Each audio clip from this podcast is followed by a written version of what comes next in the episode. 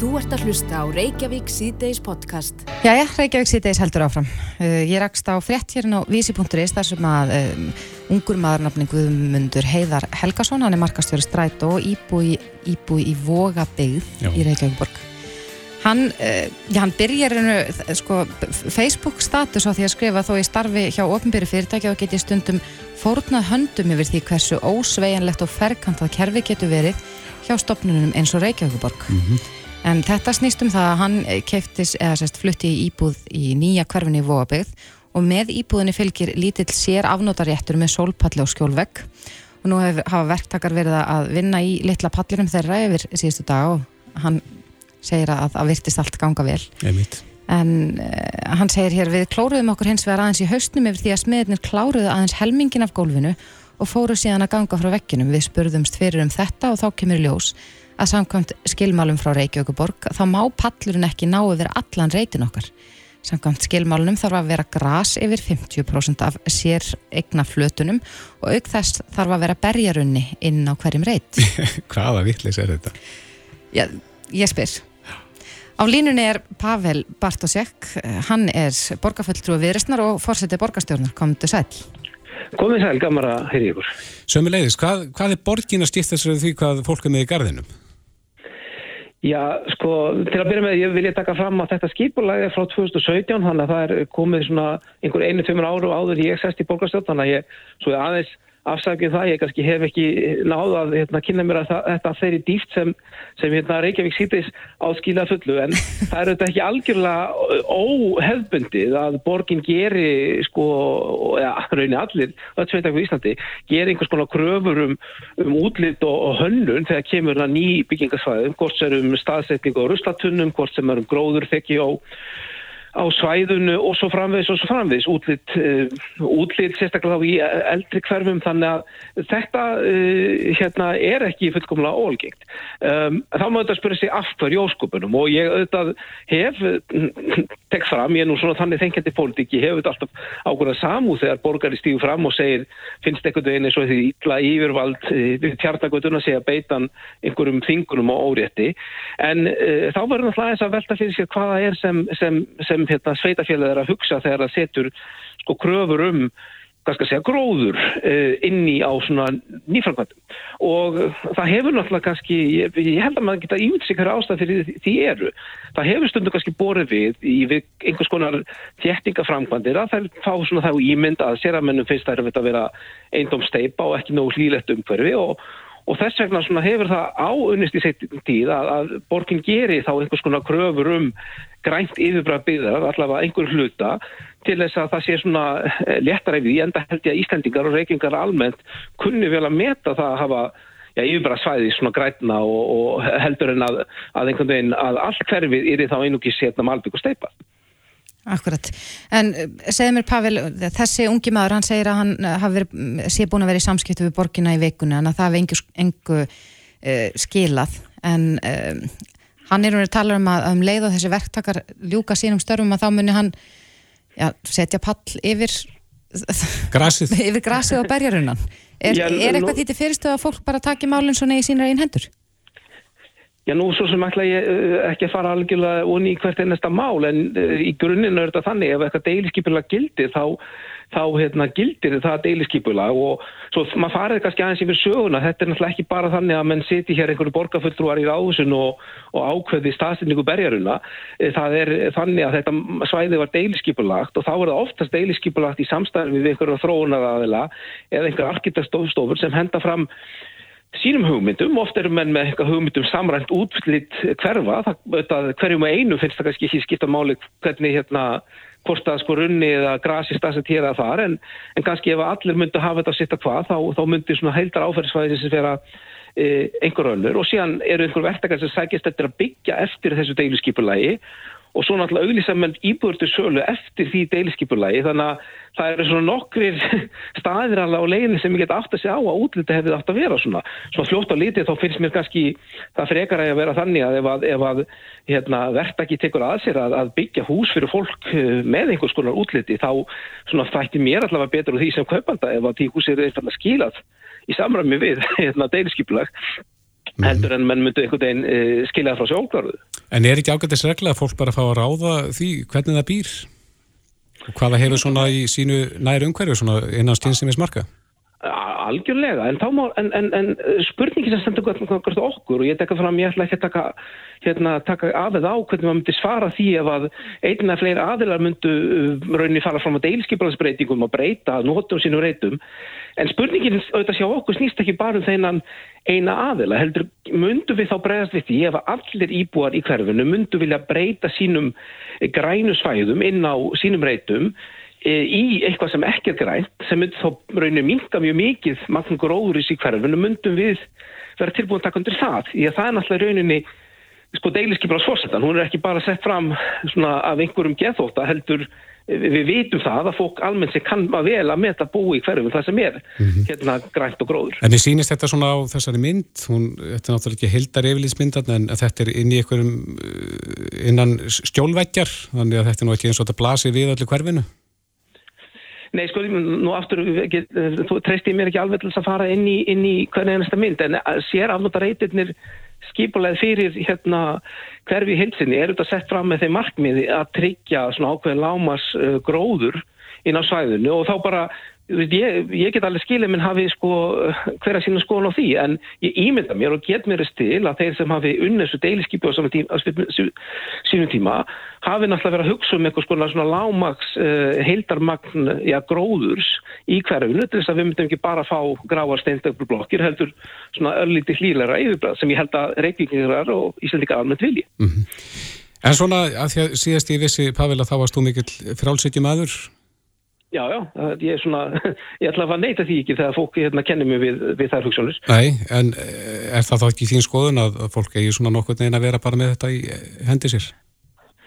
Jú, en við skulum samt ekki gleyma því að það eru, sko þarna eru alltaf ákveðna reikleikur settar e, fyrirfram, sko, það er hérna, deiliskypulag er alltaf einhver leiti þingandi, menn að fólk ef fólk auglísir eh, sko, ef, ef menn auglísir til sölu rauninni einbílshúsalóð, þá kemur fólk ekki og byggir sko fjölbílslús hérna eh, með frjálsinguna einað opni. Nei. Eh, það er hérna, og í þessu tilfelli þá náttúrulega er samtidig deiliskypulag fyrir einhverju fjórum árum uppbyggingaðilar byggjum að fá byggja á grundvelli þess deiliskypulag svo fólk kaupir sér en íbúðir sem maður veit hvernig á eiga að líta út, þannig að þakast þetta á hérna þau sjónamið en, en almennt séð er ég auðvitað á því svona líklegast hallast að í frekar heldur en e, margir aðrir að fólk eigi að hérna, fá þetta ráða sínum megum sjálft en, en þarna er búið að setja þessum, þessum afnóta rétti ákveður mörg mm. með hérna, deilskipulegi sem var samt í 2017. Já, Pavel Bartusek, borgarfjöldtrúi viðrisnar og fórseti borgarstjórnar. Kærar þakki fyrir þetta. Takk svo mjög leiðis. Þú ert að hlusta á Reykjavík C-Days podcast. Fyrsta frétt á þessum degi er eh, vassflóð brosnarlagnir eða við má vita hvað það er í Háskóla Íslands og þetta er þetta nær til margra bygginga á, á því svæði skólans. Og eh, er að sjálfsögðu unnið í þessu baki brotnu hvernig mátti þetta gerast? Að einhver stopnæð robnaði og, og allt lag inn á, hverfið, inn á kerfin háskólans í hvað 75 mínútur á þess að menn fengi nokkuð að gert en, en e, hittum hér á förnuvegi Böðvar Inga Guðbjörnsson hann er e, formaður félags pípulagningamestara þetta er svakalegt.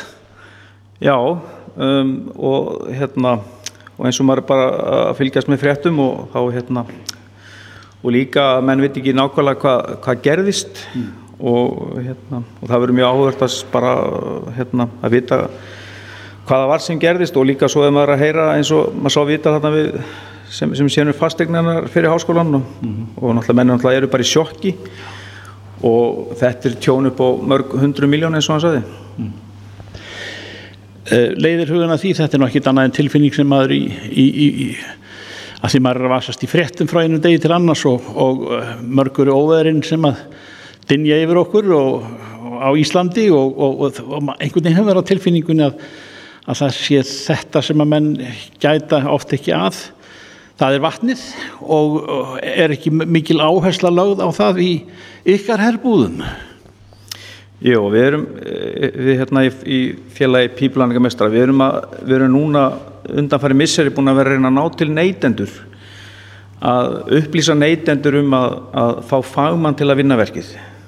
Og eh, það eru allt og mörg mál sem komin á bort til okkar þar sem neytendur voru með einhvern til að vinna fyrir sig sem gaf sér út fyrir að vera pípari. Kom síðan í ljósa viðkomandi var ekki minn einn réttindi og, og vinnubröðin eftir því og neytendur bara setja uppi með veist, stórtjón, vastleika eh, miklu vandamál og fleira. Og það sem er okkar áversla að það er að ná til neytendans að hann sé bara upplýstur um og hann bara kynni sér hvort að viðkomandi aðli sé mér réttindi. Mm.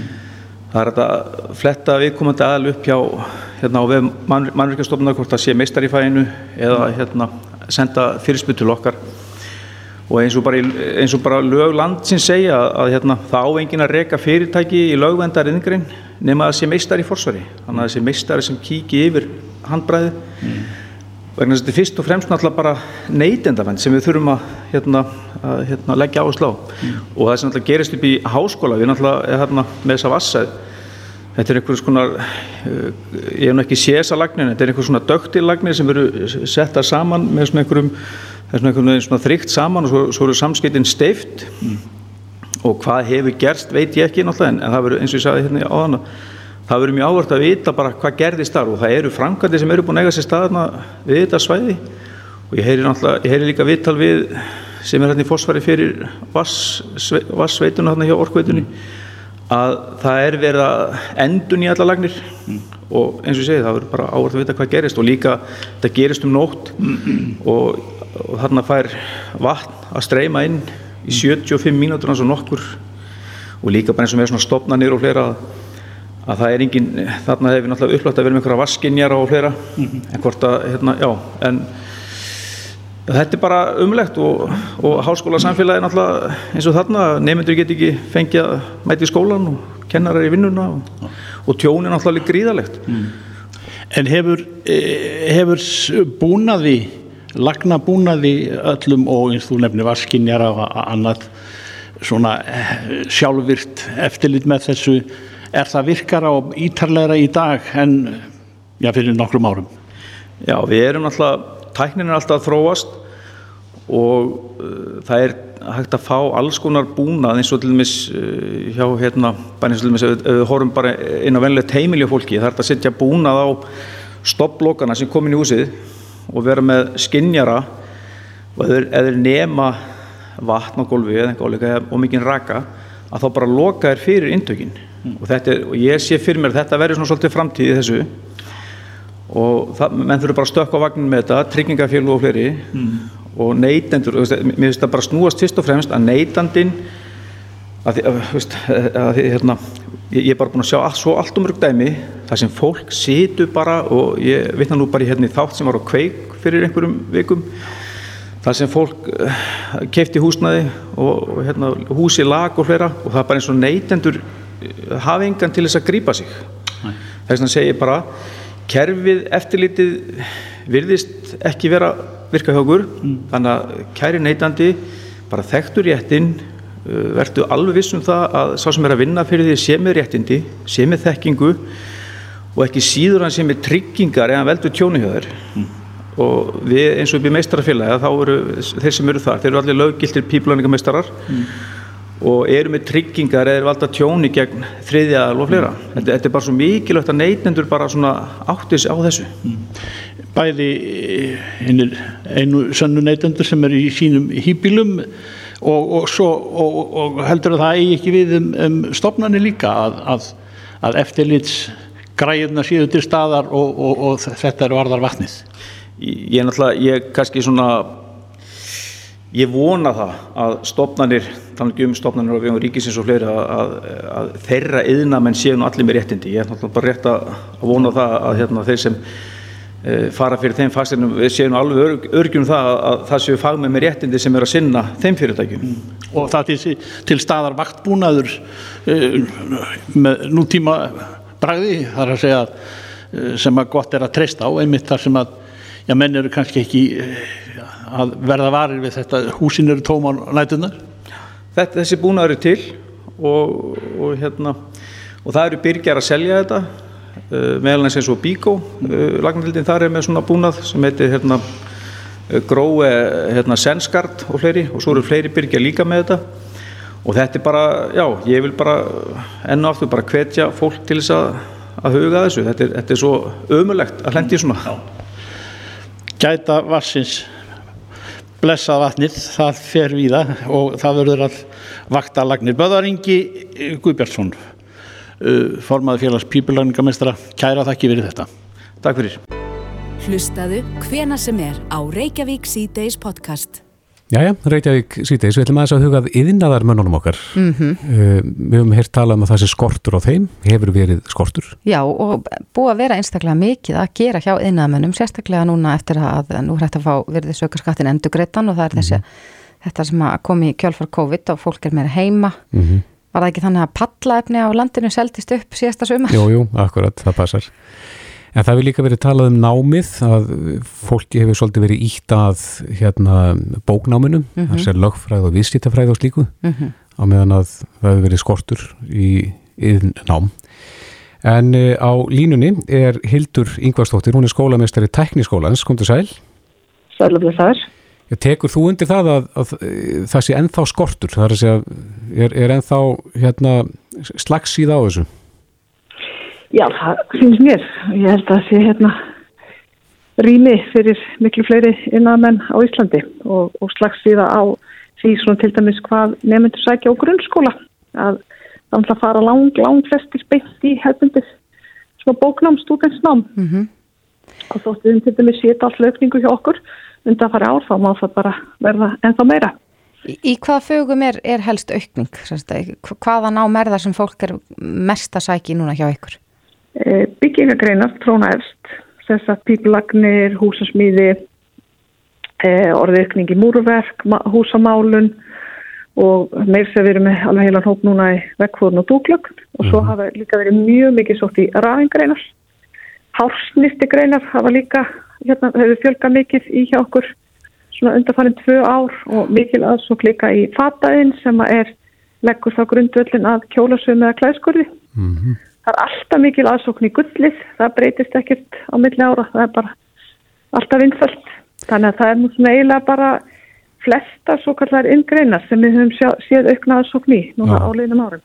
Er skipta tétjumöguleikarnir miklu málið þarna? Ég myndi halda það, að það skiptir meðal annars máli.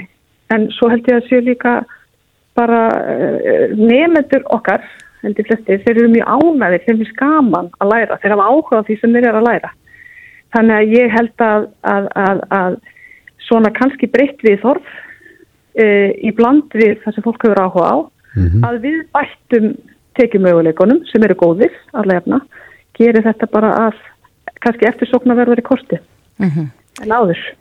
Er, þekkir þú það hvort það sé skortur á uh, sko, einstaklingum í, í einhver einu fæi frekar en öðru? Það er meiri skortur að rafvirkjum en húsasmiðum eða eitthvað slikt?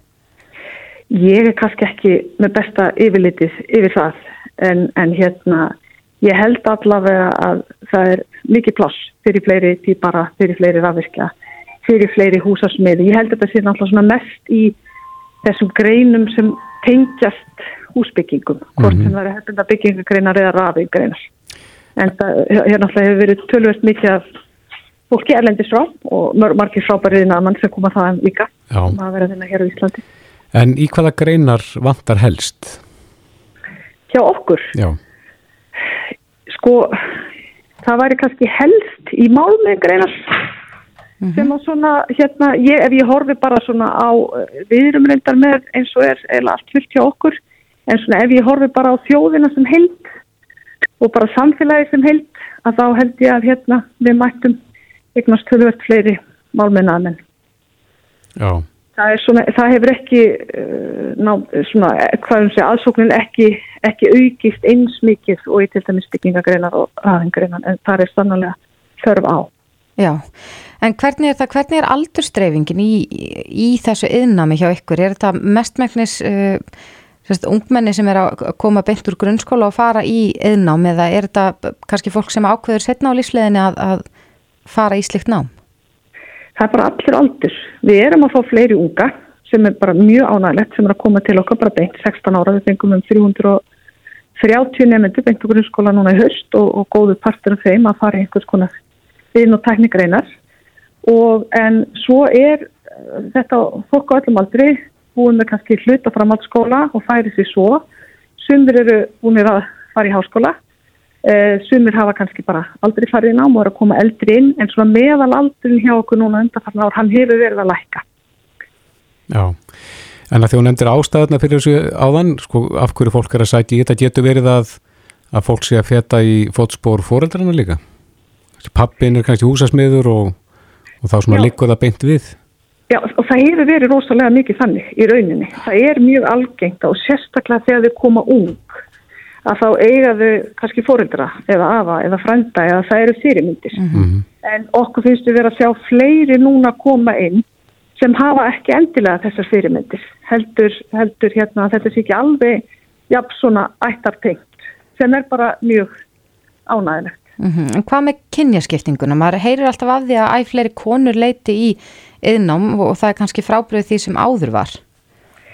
Það er mikil kynjaskipting ennþá á þann háttin að það eru meiri hluti þegar til dæmis að læra hásmistikreinar eru konur og hérna og kallar þá meiri byggingagreinunum en þetta er að þetta er að breytast í róliheitum. Við erum með tölvöld marka til dæmis ég held við séum 8% þegar sem að læra rafengreinar hjá okkur séu konur mm -hmm. eða stúrkur og hérna við erum komin held ég alveg með 5 núna sem er í námi í pípulögnum sem er bara 5 meira en fyrir nokkur mánu síðan og við erum með þrjár held ég til dæmis vegfónu dúglögn mm -hmm. þar sem ég vilt var enginu einn þannig að þetta er svona hægt og býtund að breytast í síðasta haust þá voru, nei, í fyrra haust þá voru fleiri strákar sem byrjuði hjá okkur í fata innan stelpur sem var mjög sérstætt mm -hmm. og hérna þannig að þetta þetta breytist en þetta er að breyta samt ofhægt vegna þess að all leggur þetta nú grundvöldina því að geta gert svo hérna haft vinnustadi blandaði, blandaðri og fjölbreyttari Já, akkurat.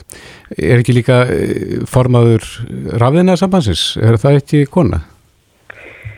E, formaður félags íslenska rafvirkja er kona. Mm -hmm. Margrit Arnarsdóttir. Sem kennir einmitt hjá okkur. Já, er að kenna rafingreina hjá okkur. Akkurat, þannig að það er kannski bara svona vottur um það að konur er að segja sér verið í, í rafmagninu. Algjörlega, hún er alveg einn frábær fyrirmynd og heldur því fyrirmynd fyrir margar stúkur. Akkurat. Já, það er um að gera hvetja fólk og krakka þá til þess að, að skoða þetta, ekki bara stefna blinda bóknámið. Nei, og muna það svo að það er alltaf hægt að taka bóknámið með líka. Já. Og þar fyrir utan er allt innám að hluta til líka bóknám. Einmitt. Þannig að hérna, þetta er allt og, og alltaf spurning hvað þú kallar hvað. Rafin greinar til dæmis er ekkert minna bóknám en verknám. Nei, nei, akkurat. Hérna, á endanum snýst þetta um að fara í nám sem maður hefur áhuga, nám sem maður nýtist og eitthvað sem gefur manni möguleika til framtíðar. Einmitt. Hildur Ingvarsdóttir, skólamestari tekniskólans, kæra þakki fyrir þetta. Takk. Reykjavík síðdeis á bylginni. Jæja, Reykjavík síðdeis heldur áfram og uh, ég rakst á grein skoðanapistil inn á fréttablaði.is mm -hmm. þar sem að fyrirsögnin er mentarróki og aldursfordómar á íslenskum vinnumarkaði. Já, þessi grein snýstir um það að núna er, já, ef maður lítur yfir atvinnuauðlsingar, mm -hmm. að þá er ansi enginandi fyrir þær að uh, þar er oft gerð krafa um háskólamentun sem nýtist í starfi mm -hmm. auk lámarks aldurs þeirra sem að sækja um. Já, sá sem að skrifa greinina er Ástór Jón Ragnæðarsson, hann er varaformaður ASI Ung og er á línunni kom til sæl.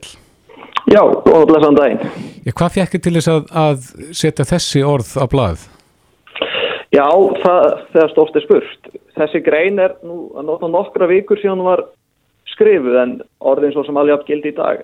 Þannig var mál með vext að ég var sjálfur að líta yfir atvinnauðlýsingar og þótti það ansið enginandi eins og ég segi þarna í greinni háskólamentin sem nýtist í starfi og einhver lámarksaldur mm -hmm. og ég bara gæt ómögulega skili það hvers vegna til dæmis móttökurítari þarf að vera lámarki 25 ára gammal eða þegar það ráða framkvæmdastjóra eða verkefnastjóra að háskólamentin sem nýtist í starfi þú veist, hvurslags háskólamentin er það, er hann eitthvað betra að vera en yðnám eða ímiðskona reynsla mm -hmm. En ég, ég held get nú alveg tekið undir að með þeirra ef maður lítur yfir, yfir um, atvinnuölsingar þá er mjög oft krafist háskólamenturinn sem nýtir starfi en, en lámarsaldur er kannski ekki eins oft. Heldur þetta sé að færast í aukana? Sko, ég þor ekki að fara með það. Ég get alveg tekið undir það. Það er miklu algengrað með háskólamenturinn sem nýtist í starfi en uh, lámarsaldurinn er þarna líka anseengjandi þó ekki af mikið en það verður líka að horfa á það sko, ég skrifaði þetta sem ungur maður sem að hérna horfi á þetta út frá því að sko, maður á að heita fullorinn maður en oft á tíðum sko, uppfyllir maður ekki kröfun að vera 25 ára gammallega slíkt, en þetta er líka frá öðrum sjónarhóli sko, oft tala um að þegar kominu í 50 er það eftir að liti við þér á vinnumarka, sérstaklega á kona mm. þannig að þetta gengur í báðar áttir Já En já, í einhverjum tilfellum hlýtur þó að vera eðlilegt að krefjast háskólamentunar eða jafnvel lámarsaldurs. Ertu með eitthvað, einhver dæmi í kollinum þar sem þar í raun og veru má byggja um slikt? Já, bara augljósast á dæmið. Þú þarfst að vera tvítur til að vinna í vinnbúðinni. Þú þarfst að skila aðtunir einhvern vilja að fólk sé átjónara gammalt og sjálfsögur fullt af lögvendum störfum sem að bara krefjast. Þú mátt ekki starfa sem hjúgrunafræðingur nema að vera með lögvenda starfseti. Þú mátt ekki starfa sem landslagsarkitektnum með lögvenda starfsveit og mentu. Þannig að það er á sjálfsögum mörg tilfelli þar. Mm -hmm. En hver heldur þessi rótin að þessu? Akkur heldur að menn séu í auknum mæli að fara þessa leið? Já, þú, þú kemur ekki með auðveldi spurningarnar. Nei, þú ert vantilega búin að stúdira þetta? Sko, ég er ekki með auðljós og svarið við þessu og þessi grein mín er kannski frekar ádeila á það og ákveðlega eftir hættum að horfa bara á þetta, þú veist, fólk er ekki prófskýðinu þeirra. Nei.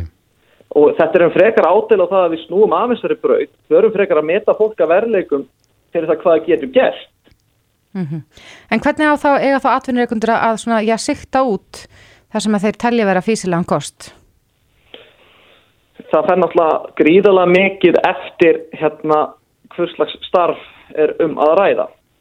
Uh, Ég myndi miklu frekar vilja sé, sjá að það sé hort í starfsreynslu mm -hmm. eins og ég tek dæmi þarna í bara greininni ef að ég væri að ráða framkvæmdastjóra þá myndi ég frekar vilja fá til mín sko húsasmíðameistara sem að hefur áráðanga reynsli af eigin rekstri frekar en nýjútskriðan viðskiptafræðing en í svo mörgum tilfellum þá er það bara ekki raunin út af það er þessi klásaðum háskólmentu sem nýtist í starfi mm. og þegar kemur það að sikta út það þarf að sjálfsög alltaf að sikta eitthvað út en enga síður þá held ég að við sem að tapa greiðum verðmætum og greiðla hæfilegar ykkur fólki með því að setja það ná þannig að það að sikta út. Ég held að væri bara vinnunar og tímans virði að fara gömgefilega yfir þó það sé kannski aðeins fleiri umsóknir. Já. En heldur þú að þeir sem er auðlis eftir þessum stafskröftum að þeir sé að verða af kannski bestu stafskröftunum af því að þeir eru búin að þreyndja hringin svo mikið?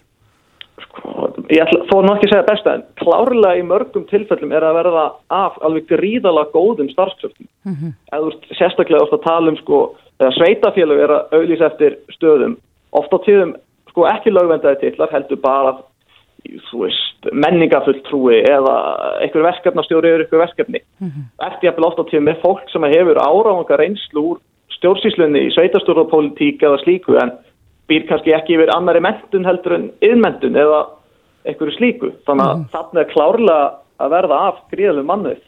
En er þetta að, að þínum að þetta er mentarhróki? Já, ég sko, eins og ég segi, ég kem ekki öðrum orðum yfir þetta mm -hmm. stórfælt sko skáleysi getur líka verið og hugsunleysi mm -hmm. en já, ég vil meina það Já, þetta er áhugaverð pæling og, og ég held að sé við hérna, voru nú akkurat að ræða hérna líka á þann bara aðsókn í yðnáma að, að vonandi fer það að aukast vegna þess að það virðist að skortur á yðnámennum Hérlandi Bara klárlega, það bara hefur sínt sér í gegnum tíðina. Já, Ástór Jón Ragnæðarsson var að formaður ASI Ung. Kæra þakki fyrir þetta.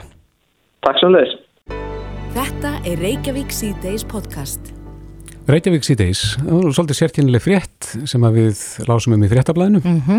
en uh, það er þetta með fólk sem að þóttist er að hunda eftirlitsmenn á, hérna, og fóru heim til manns sem að gefis út fyrir að uh, gæta hunda. Já, matvarastofnun hefur núna óskað eftir sko rannsókn lauruglu þetta voru tveir einstaklingar sem að heimsóttu hundagæslu undir því yfirskinn að vera starfsmenn stofnurinnar. Já, sem þeir voru ekki. Sem þeir voru alls ekki.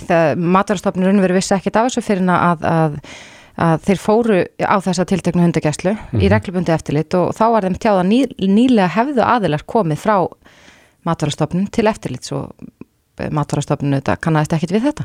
Komst upp um málið? Já.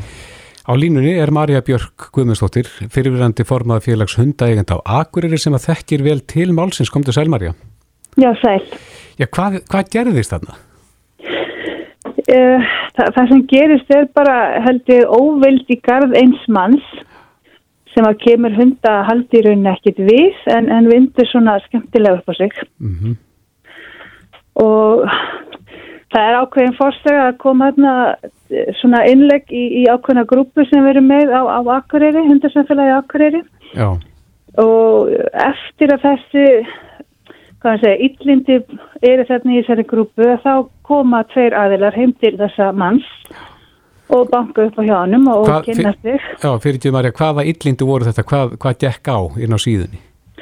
Ég þarf alltaf bara hundægjandur eru stundum ekki alltaf sammála um hluti Nei. og þarna bara voru upp aftrygg sem að rauninni snert ekki beint huldahald, þannig bara einstaklingana, það sem einn einstaklingur þólar ekki einhvern annan mm -hmm, Þannig að þetta er bara eitthvað, eitthvað, persónlega deilur sem að, tegja ánga sinna allalegin á heimil annars. Ég vil meina það, nú þekk ég þennan mann ágætlega persónlega og hérna, ég vil meina það, það er mín skoðun og margra sem að þekkja til að þetta snýr sér raunni bara um bara persónlega ára sér Já, en, en hver ætli tilgangurinn sé þó að, að koma inn á heimili og þykjast vera eftirlitsmar frá matarastofnun, komar aftur að segja alveg á því, sko, já, hver tilgangurinn er? Nei, sko, maður verður alltaf bara svolítið reyður að fólk svolítið myrknátt af alls eitt svona og þetta er alltaf ábygglað bara í þenn tilgangi að hræða, meiða, skemma, eiðilegja fyrir og fólk var mjög reykt yfir þessu, sko, yfirlegt að, að þess að deilur hefur komið upp. Mm. Er, er þessi einstaklingu sem að gefis út fyrir að, að gæta hunda, eh, er hann með leifi til slíks? Já, sko hann alltaf var það ekki og í sjálfur sér er ekkit að því að margt hafi komið heim til þess að það var raunin bara gott mál. Já. Og ég meina að framhaldi af þessu, þessum innleggi þessari hundasíðu að þá er einhver sem sendir tilkynningu til margt og í sjálfur sér ekkit aðtöða verið það verkverðli og, og gaman að segja því að margt kom á staðinn og þeir tóku út úttækt og ég hef séð þessa skíslu og hún er algjörlega án aðtöðasenda og þeir gefa húnu leiði sem hundadagjastli maður mm -hmm. og alltaf hreinu hjá húnum sko. Já, já, þú, þú þekkir þennan mann persónulega og hefur vantilega hirt svona hans lýsingar á þessu. Hvernig lýst hann heimsókninni? Ég, ég spurði þessu sem ekkert nánað þannig að hann sagði bara að það hefði komið hennar fólk uh, par með grímu, hann sérstann hefði nú kannast við að var ekki viss, allir með grímu í dag mm -hmm en þau sögðust verið að koma frá Akurabæ vegna mast á vegum mast eða sérst eitthvað, eitthvað niður þannig á vegum sérst, vegna mast. Já, og gerðu ímsar aðtóðasemtir hérna og, og hvað? Já, allan að þau fóru og sögðu hann bara að það væri búið að loka hjá hann Og hann mætti ekki taka móti hundum já, í gæslu? Já, og, já, og hann tilkynnti, hann, hann er með nokkra hundar bara í daggæslu og þetta er ekkert flókinstarfsum hann, hann er að gera fólki bara að greiða með þessu og, og hann tekur hundana, gefur um að borða hann er með slökun, hann er með útisvæði, hann fer með allan hópin uh, á hundarsvæði og bara sinnir þeim vel, þannig að þetta er bara gott mál og hann, hann komir unni, eða það kom þessu fólki mjög illa að missa þessa person. Mm -hmm. þannig, þannig að þetta var eins og væri svona átti að vera bara hefningirni, þetta var mm -hmm. bara, já, það hvernig, kom ekki vel út. Hvernig brást hann við? Það voru þá vantilega hundar í gæslu hjánu þegar þetta par kemur? Uh, Vantilega hafið verið farin heim, þetta er náttúrulega bara daggæsla og flestir að fara heim þegar eigundirni koma. Já. Hann árenda sjálfur, tvo-þrjá hundar sjálfur sko, en hérna þetta var bara, já, hann var náttúrulega mjög með sín, hann sendir okkur skilabóð okkur hjónum og sagði bara já, nú er þetta bara búið, margt bara kom hérna og lokaði og, og ég er bara tilkynna fólki að, að, að ég geta þetta ekki lengur. Já, eru þið sem sagt með hunda í gæslu hjá honum? Nei, reyndar ekki, við erum bara personlega vinnir. Já, akkurat. En hefur eitthvað heilt hvernig þessu máli hefur, hérna, hvernig það hefur þróast? Já, það er bara, það er alltaf bara að alvörum allt kom til hans mjög fljótlega eftir þetta og eins og segi, tók þetta út og gaf hennu leiði og, og hann hérna bara er starfandi í dag með Já. fullu leifum allt. og verið að leita þessu fólki þar sem að þetta er hérna brot á lögum að vilja sér heimildir Já, mér, ég bara reyndist, mér er þetta bara svífirlegt að misnota svona aðstöðu til að bara koma illa fram með einhvern. Já, þetta er uh, skringilegt mál. Marja Björk. Marja Björk Guðmundsdóttir, fyrirvændi formaður félags hundæganda á Akureyri. Kærar þakki fyrir þetta og bestu var norður. Jú, takk fyrir. Reykjavík síðdeis á Bilginni podcast. Guðlegu Þór Þólarsson, auðrækisráð þeirra það er ímest þetta gerast í í auðrækismálum heimsins getur maður sagt þegar að eh, menn hafa stólaskipti í, hjá, í fórsetambætti bandaríkjana stóri viðburðir og, og, og margt búið að segja á þessum sólarring eftir að Trump fór og, og Biden tekin við.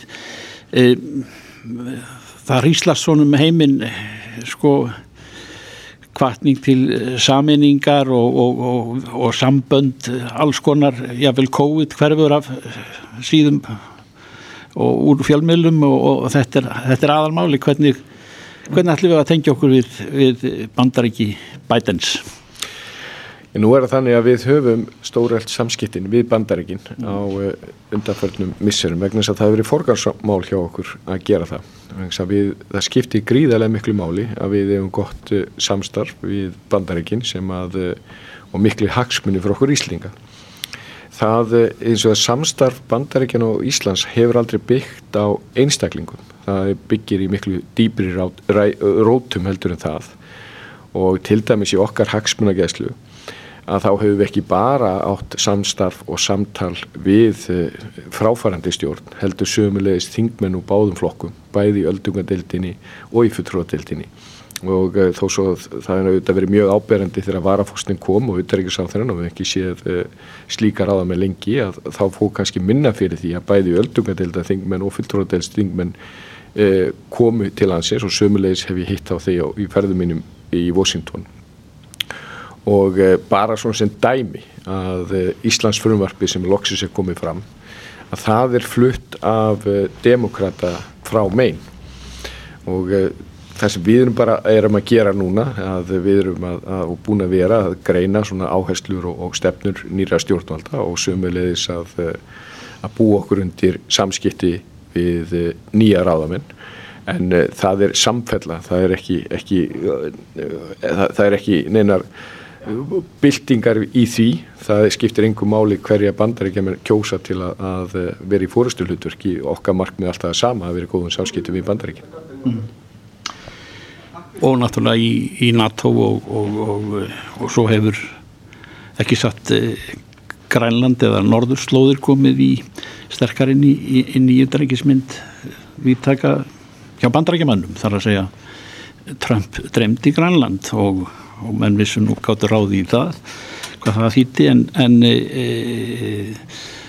þú hefur líka hort til Grænlands við erum hérna ný, nýkomin að fundi með þar sem e, landið okkar hérna handan við sundið sem er svo óra langt í burtu frá okkur henga síður. Grænland er komið inn á kortið Já, ef við ætlum að svona einfalda vanandi samskipti um bandaríkin þá er þetta, þetta alþjóðamálin uh, og við höfum kallað eftir fórastu hlutverki bandaríkjana þar. Uh, sömu leiðis erum við að tala um auðvitað öryggis og varnamálin eins og þú nefndir uh, og viðskiptamálin og síðan norðurslóðamálin sem að eru fyrirferðar mikil og við leggjum mikla áherslu á. Og þar sjáum við sóknarfærið því að ný ríkistofn leggum mikla áherslu á loftlagsmálin Við eigum nú þegar í vísindarsamstarfi á milli ríkjana og við vonumst til þess að geta styrt á eld enn frekar svo eitthvað eitt dæmi sér tekið. En uh, það er að mörg að taka þegar að kemur að, að samskiptum Íslands og bandaríkjana og miklir hagsmunur undir. Mm -hmm. Við erum í byrjöðinni í dag að ná tali af bætinn. Já, það eru auðvitað þannig að, að það eru auðvitað allir sem vilja tala við ný stjórnvöndi í bandaríkjan og þannig hefur það auðvitað alltaf verið. Mm. En við eigum þetta alltaf í samtali eins og ég nefndi, við erum í samskiptum við þingmenn og, og, og aðra og, og uh, munum halda því áfram og þetta er, er eiglíða mál og það er þeir vita algjörlega af okkur, það er ekki þannig en, en ástæðan fyrir því eins og að við höfum lagt á þessu áherslu og verið í, í samskiptum og, og munum og sjálfsögðu eiga í samskiptum við nýstjórnvöld að það er engin annar sem heldur á hagsmunni Íslands heldur en Íslendingar sjálfur og þó við njótum velvildar mm. að þá er það nokkið þannig hvorki bandrækjum annar staðar að ráða með annara þjóða vakna upp með mótnan á fyrsta sem við hugsaum er Ísland og ef við minnum ekki á okkur og höldum ekki utanum okkar hagsmunni og minnum á þá að eh, þá verður enginn til þess mm. En svona lókum í stöldspjalli Guðlúður um, maður finnur alveg fyrir uh, breyttu andrumslofti, maður þarf ekki að reyka nefið út um gluggan til þess. Uh, mönurinn á, á bandaríkjónum í huganum og, og í dag hennar var í gær það er Trump var umdeldur maður og hann er horfin og, og nýr maður með gríðarlega við þennan uh, lofórðalista um, um betri tíð og blóm í haga Já, við sko nú, það sem menn getur nú eitt af því sem menn geta lært hins vegar sem að er augljóst að þegar að valda tíð Trumps og hann er ekkit eini fórstin sem lendi því að eh, sko bandaríkin eru byggð þannig, stjórnskipinu byggð þannig upp að það færist ekki ómikið vald á eina hendi, skiptir ekki má á hvað hendið er. Þess vegna eru menn með þessa skýruskiptingu og til dæmis kjósa menn að tveggjara fresti fullrótildin einmitt til að geta haldið aftur að stjórnvöldum ef að þau menn telja það þessi á rángri braut og svo framvegis. Eh, en, og, og eh, þannig að það skiptir máli þetta snýr ekki bara einhverjum einu manni eða einum ráð þegar það, það þarf að vera mikil samskipti og við fleiri því betra. En það sem ég finnst að vakja aðtigla á af því að það, við vitum það og það eru mikla vendingar alltaf til nýra stjórnvand og svo sannlega til, til ríkistjórna bætens að það, er, það eru eins og mörg verkefni borðin hjá þeim og svo sannlega ekki bara í alþjóðmálum því að eh, staðan í bandaríkjónum kallar á uh, mikla aðtikli frá stjórnvöldum. Þannig að uh, það tekur allt sinn, sinn tíma uh, og menn er að vera þó við höfum alltaf að vera óþólumóð og, og fylgja málum fast eftir að þá þú líka minnu þess að þetta er langklub Guðluður Þór Þórðarsson, þetta er ekki sáþrá Takk fyrir þetta. Takk sem leiðis Reykjavík síðdeis á Bilginni podcast. Reykjavík síðdeis á Bilginni, það eh, var alvanalegt hérna meðan það var fullt að ferða mönnum að eh, sumarhús eru til mhm. leigu á, á svona leigu síðan eins og Airbnb og fleirum bungalow.is og, og þar mættur ekki lengi telja. Já. En nú hefur þingvalla nefnd uh, samþygt að þeir sem eiga sumarhús mm -hmm. innan, innan þjóðgarsins á þingvöldum meiga ekki leia húsin sín út í gegnum Airbnb eða aðra sambærlega leigur. Nú, hvernig stendur á því? Já, ég er ekki alveg kláraði hvernig, hvernig þessu er háttað en þetta eru um 70 sumarhús sem falla þarna innan og uh, mér skilst að það hafi einhverjir eigandur þarna inn á einu af þessu svæði, ég svona sett sér upp á móti þessu mm -hmm. en á línunni er Einar Sæmundsen þjóðgarsverður á Þingvöllum, kom til sæl. Já, kom til sæl. Já, hvað, hvernig ætlaði að framfylgja þessu banni? Já, þetta er nú, svo sem er, það verður nú eiginlega að segja það, þetta er nú kannski ekki alveg nýtil komið þó að það sé ekki svona skipt fram í þessum nýju samningum. Þetta hefur nú svona verið við inn í, inn í samningsdraugum og samningunum sem voru gerðið 2010 það er að segja aðfinnustar sem er ekki heimilega svona lóðin, það verður að leið, leiða lóðið bara undir frísmyndahús mm. og, og það hefur verið alveg skýrt þá frá upphafi að, að, að aðfinnurekstur er ekki heimilt á þessum lóðum. Og í raun og veru var það svona á síðustu tíu árum þá náttúrulega beitist umhverjum nokkuð og það fara að koma annað form á þetta ekki um akkurat þess að deililegur sem að þið nettu mm -hmm og það í raun og veru hefur sjálfur sér ekki mikið reynd á það það hafa, það hafa komið tvær einhver tíman fyrir spurning fyrir uh, nokkrum árum um þetta og, uh, að, og það var þessu hafnar og þannig hefur það verið. Ég, við erum svona búin að ganga frá nánast í langflestum sem samning og það er bara enginn sett sig upp á móti þessu á nokkur nátt þess að gera þessari samningar samningarnir runnu út núna í lóks síðast árs og við höfum bara verið að í raun og veru að, að hérna, það er verið að bara hérna, framleggja þessa loðalegu réttindi og hvaða heitir uh, í sjálfu sér var í þessu kannski bara orðalagsbreyting þetta var í rauninni það sem að var praktisir áður við skýrðum þetta bara í orðum vegna þess að Þannig þótti þetta hérna vera kannski aðeins og óskýrt. Mm -hmm. En teljið þið að flokkast sem sko atvinnustar sem hef, hef fjölskylda á hús á þingvöllum og, og leigjar það út eina og eina helgi? Já, svona til þess að dríja tekismunir. Já, veru, er þarna, sko, er, er tólkum við það þannig að þetta sé svona palli undir þá starfsemi að, að, að við viljum, við erum að leia hús út, eða sko lóðir, þannig að segja, út til ákveðin að nota, frístist að nota. Og, og í raun og veru hefum við einskorða okkur við það. Og, og við lítum á þetta og tólkum þetta þannig að þetta sé náttúrulega fallið undir svona ákveðna aðtunum starfsemi þó að sannarlega erum en reyna því að tekja þetta. Ég verð að taka fram að þetta, þetta er í raun og veru svona kannski e, síðustu tíu árin þá, þá hefur þetta nú ekki verið það mikil fyrirferð á þessu nema ég held að séu svona tvær, tvær, tvær fyrirspöld sem við fengið um þetta. Mm. En Einar, af hverju viljið þið losna við þessa starfsemi úr gardinum? Er, er mikið ónæðað þessu eða hver er ástæðan? Já, það er svona til þess að kannski skýra svolítið, sko, við hefum líka fengið svona kannski ábendingar frá fólki sem er þarna, það, það sé svona, sko, að, að, að, að það sé ekki verið sífælt að skiptum nágranna í, í húsum og annað, sko, þannig að... Ég er sem sagt ónæði af þessu. Já, ég menna, sko, eins og ég segi, það hefur ekki reynd að mikið á þetta, en eins og við vitum öll með Airbnb og svona deililegur og það er að hafa nú svona þar sem að þetta verður mikið um þetta, þar geta þau nú svona valdi ákveðinu núningi mm -hmm. nákvæmlega á annara, þannig að er kannski þar sem við erum svolítið að hugsa um þetta að, að það sé svona samið að það sé ekki verið að nýta því þá verið til þess að svona styrkja ákveðina róa spektarna, því sem að setja einhverju liti. Mm -hmm. Hafið þið fengið einhverja fyrirspurnir um þetta mál eftir að það var já, skert á þessum reglum með, með, með núnum jólinn? Nei, þetta er í rauninni bara samnings, þetta er í rauninni bara verið að reyta undir þessa samninga bara þeir, það er svona verið að ganga frá þess að þetta og það hefur enginn að setja sig á móti allavega setja sér neitt á móti þessu við okkur. Nei. Hvað eru margir bústæðir eða hús þarna á svæðinu sem að eru í útlegu? Já, það, það, það ég, sko, ég veit ekki til þess að sé nokkur í útlegu, sko Ég hef ekki lagst yfir það svo gjörla og ég, ég er, mér er til efsum það að það sé, það sé margir. Ég hef ekki kannada neitt freka. Við erum bara skepp á orðalagi í þessum samlingum til þess að hafa þetta alveg á hrein. Mm -hmm. En muni eh, koma til með að vera með eitthvað svona eftirlit eftir þessu eða hvað gerist ef að einhver fer uh, og, og leigir út á Airbnb?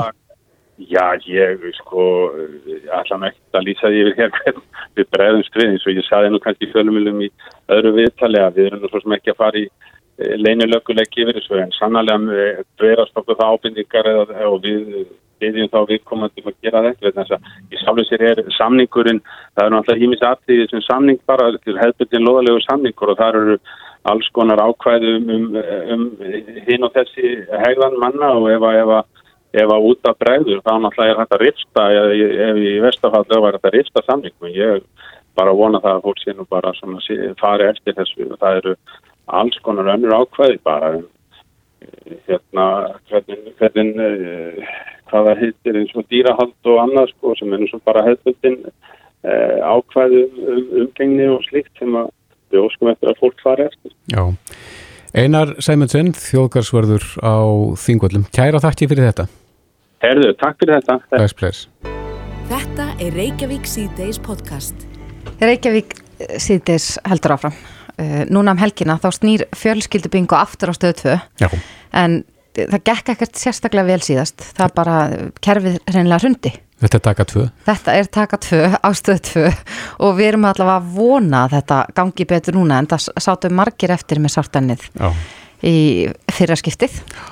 Vili Naglbítur er mættu til okkar, stjórnætti þáttarins, velkomin. Já, takk fyrir. Hvernig, hvernig er, hvernig er taugarna þínar? Ég er alveg svolítið rólegur sko. Er búið að sannfærðu um að þetta klikki getur? Já, já, já. Það, þetta klikkar ekki sko, en þetta er bein útsending og það getur allt gert sko, það er sem að gerir beina útsendingar skemmt, en já, ég held þannig að það er búið að skiptum eitthvað, eitthvað kerfi eða servera, eitthvað sem klikkaði síðast. Já, sem á þó lálaið. Já, En hvernig leiði þér síðan, bara ef við klárum það bara, hvernig Já, þú fannst- stóðst þið svo vel, Æ, þetta takk, var takk. aðdáunavert. Þetta voru næst í 30 myndur eða ekki þar sem að, að þú, þú glamrar á gítarinn og, og söngst og bara svona helst þessu gangandi þar Já, til að bara í ljós koma að þetta myndi ekki ganga. Já, þetta er sko, þetta er kannski ekki alveg það sem að augljósleikja sem var lagt upp með en nú er ég búin að vera upp á sviði svona meiri hluta ævinar sko þannig að það þarf svona slattar svo að ég fari algjörlega af teinunum. Og það sem var í rauninni gerði þetta miklu auðveldara er að það þú veist það var það var engin, engin sem klikkaði. Það var bara eitthvað kerfi sem klikkaði. Það hefði verið aðeins öðruvísi ef að veist, ég hefði skítið upp á bak eða einhver hefði gert einhverja vitleysu. En þarna er þetta bara hrinu kerfið að þeir eru svo margir sem vilja taka þátt. Það hundi og allir í teiminu bara gera sitt besta. Veist, útsendingin á fullu og bara mjög róleg stemming inn í, inn í stúdíói, það var engin að veist, fara á límingunum. Tæknina styrðið ykkur. Já, þetta er bara tæ- svona, svona hlutir gerast og það var annarkvort bara heldur maður áfram að tróða marfaða þangar til að maður færi í eirað heyrðu, þetta er komið og við getum spilað bingo Mhm. eða eins og þarna, það fekk ég bara svona reglulega frá Bjögga sem var útsendingarstjóri heyrðu, þetta er ennþá niðri, þú er aðeins að tefja tefja áfram með að gera eitthvað allt meira já. svo kom það bara reglulega og þá bara svo, að ég held að fólk það sem er leiðinlegt við þetta er náttúrulega fjölskyldu voru komna saman og gátt ekki spila bingo. Og það mun ganga á, á lögadaginn, það verður, verður allt. En þarna var, og ég held alveg að fólk hafi skilið það og ég reyndi bara að tala heiðal um þetta vera ekkert að reyna að ljúga neinu, ég sagði bara kerfið hrundi Mhm. og hérna, það er allir að gera sitt besta. Við skulum syngja eitt lag saman eða "Hö, ok, við þetta er ennþá niðri við tökum spurningar og Mhm. svo spjallaði maður bara eitthvað og, og svo bara eftir já, hálf tíma þá komið ljósa það var ekki hægt að Það var ekki lengra haldið? nei, nei, og það var bara gott. En förum að segja hvernig virkar þetta? Hvað, hvað gerum við sem að sitjum heima? já, bara byrja því að poppa. Ég alltaf byrja því að poppa og, og hafa kósi. Svo fara, fer fólk inn á vísi og sækir spjöldin þar. Og þú sækir þau í tölvuna eða snellsíman eða iPad eða hvað, hvað sem þú vilt bara. Svo horfur við bara á stöðu 2 og þar dreg ég tölurnar og, og við merkjum inn á spjaldið. Fólk þarf eiginlega að gera neitt. Ef við spilum svona tvær raðir eða einar eða hvaða leiki sem við ætlum að spila þá koma þeir bara sjálfkrafa upp á spjöldunum. Mhm. og svo ef að, þú veist, ég segi B5 og þeir eru með B5 þá íti þið bara á B5 og þegar þeir eru komið bingo þá íti þá takka sem stendur á bingo. Og þá blikkar ljósi okkur og við vitum að þeir fengi bingo? Það er komið bingo í sal. Það er bingo í sal, já, það er bingo í sal. Er ekki velir vinningar í bóði? Jú, það eru glæsilegi vinningar. Getur, getur, máttu segja það? Nei, ég má ekki segja um það. En já, þetta er, sko, það eru glæsilegi vinningar sem er frábært. Mhm. Þetta er einfaldur og skemmtilegu leikur. Þetta er ekki fáránlega erfið spurningakeppni sem maður horfir stundum á og hugsa bara, óf, hvað ég veit lítið. En Mhm. þetta, er- þetta er bara bingo fyrir fjölskylduna. Bara sapna saman fyrir framann sjónvarpið Mhm. poppa, kannski setjum við í smá spurningakeppni svona milli fjölskyldu meðlima kannski verður gítarinn hver veit, bara en þetta er aðalega snýst um það að bara fólk setja saman fyrir framann sjónvarpið Já, þetta er einu bara spurning um hefni. Ég hef oft sagt að ég sem mjög léleg í bingo, en er hægt að vera lélegur í bingo? það, það var rosa skrítin afstæða að fara að kenna sjálfum sér um vegna æfingaleysis að fá ekki bingo Það er eins og að vera lélegur í lottó Já, já, Já, þetta ég er rosa- líka frekar léleg í því. það er svo erfitt að æfa en það er samt, fyrst segir það sko, það er tilmerkileg rannsókn sem sýnir fram á það að fólk trúir því að það sé heppið Mhm. þá verður það hefnara svo er þetta til önnur mjög merkileg setningur úr viðskiptónum sem er því duglegri sem ég er því hefnari verði ég, en það er nú allt annað en bingo er bara, það er engin lélegur í bingo, það er allir jafngóðir Er kvóti á, á fjölda spjalda? ég held að þessi þrjú á hvert tæki Mhm. þannig að þú ert með Þannig að maður dregur fram allar gömlu spjaltölutnar og bara, þá getur maður verið að hala inn. Já, Nokia 5110 Já. síminn verður Ég er ekki vissum að það gangi. Herðu, þetta hljómar vel og taka tvö Við hérna vonum svo sannarlega að hún hefnist Já, þetta er klukkan 500 í sjö, beint eftir fréttur á löðin. Já. Vili, takk fyrir komuna Takk fyrir mig kella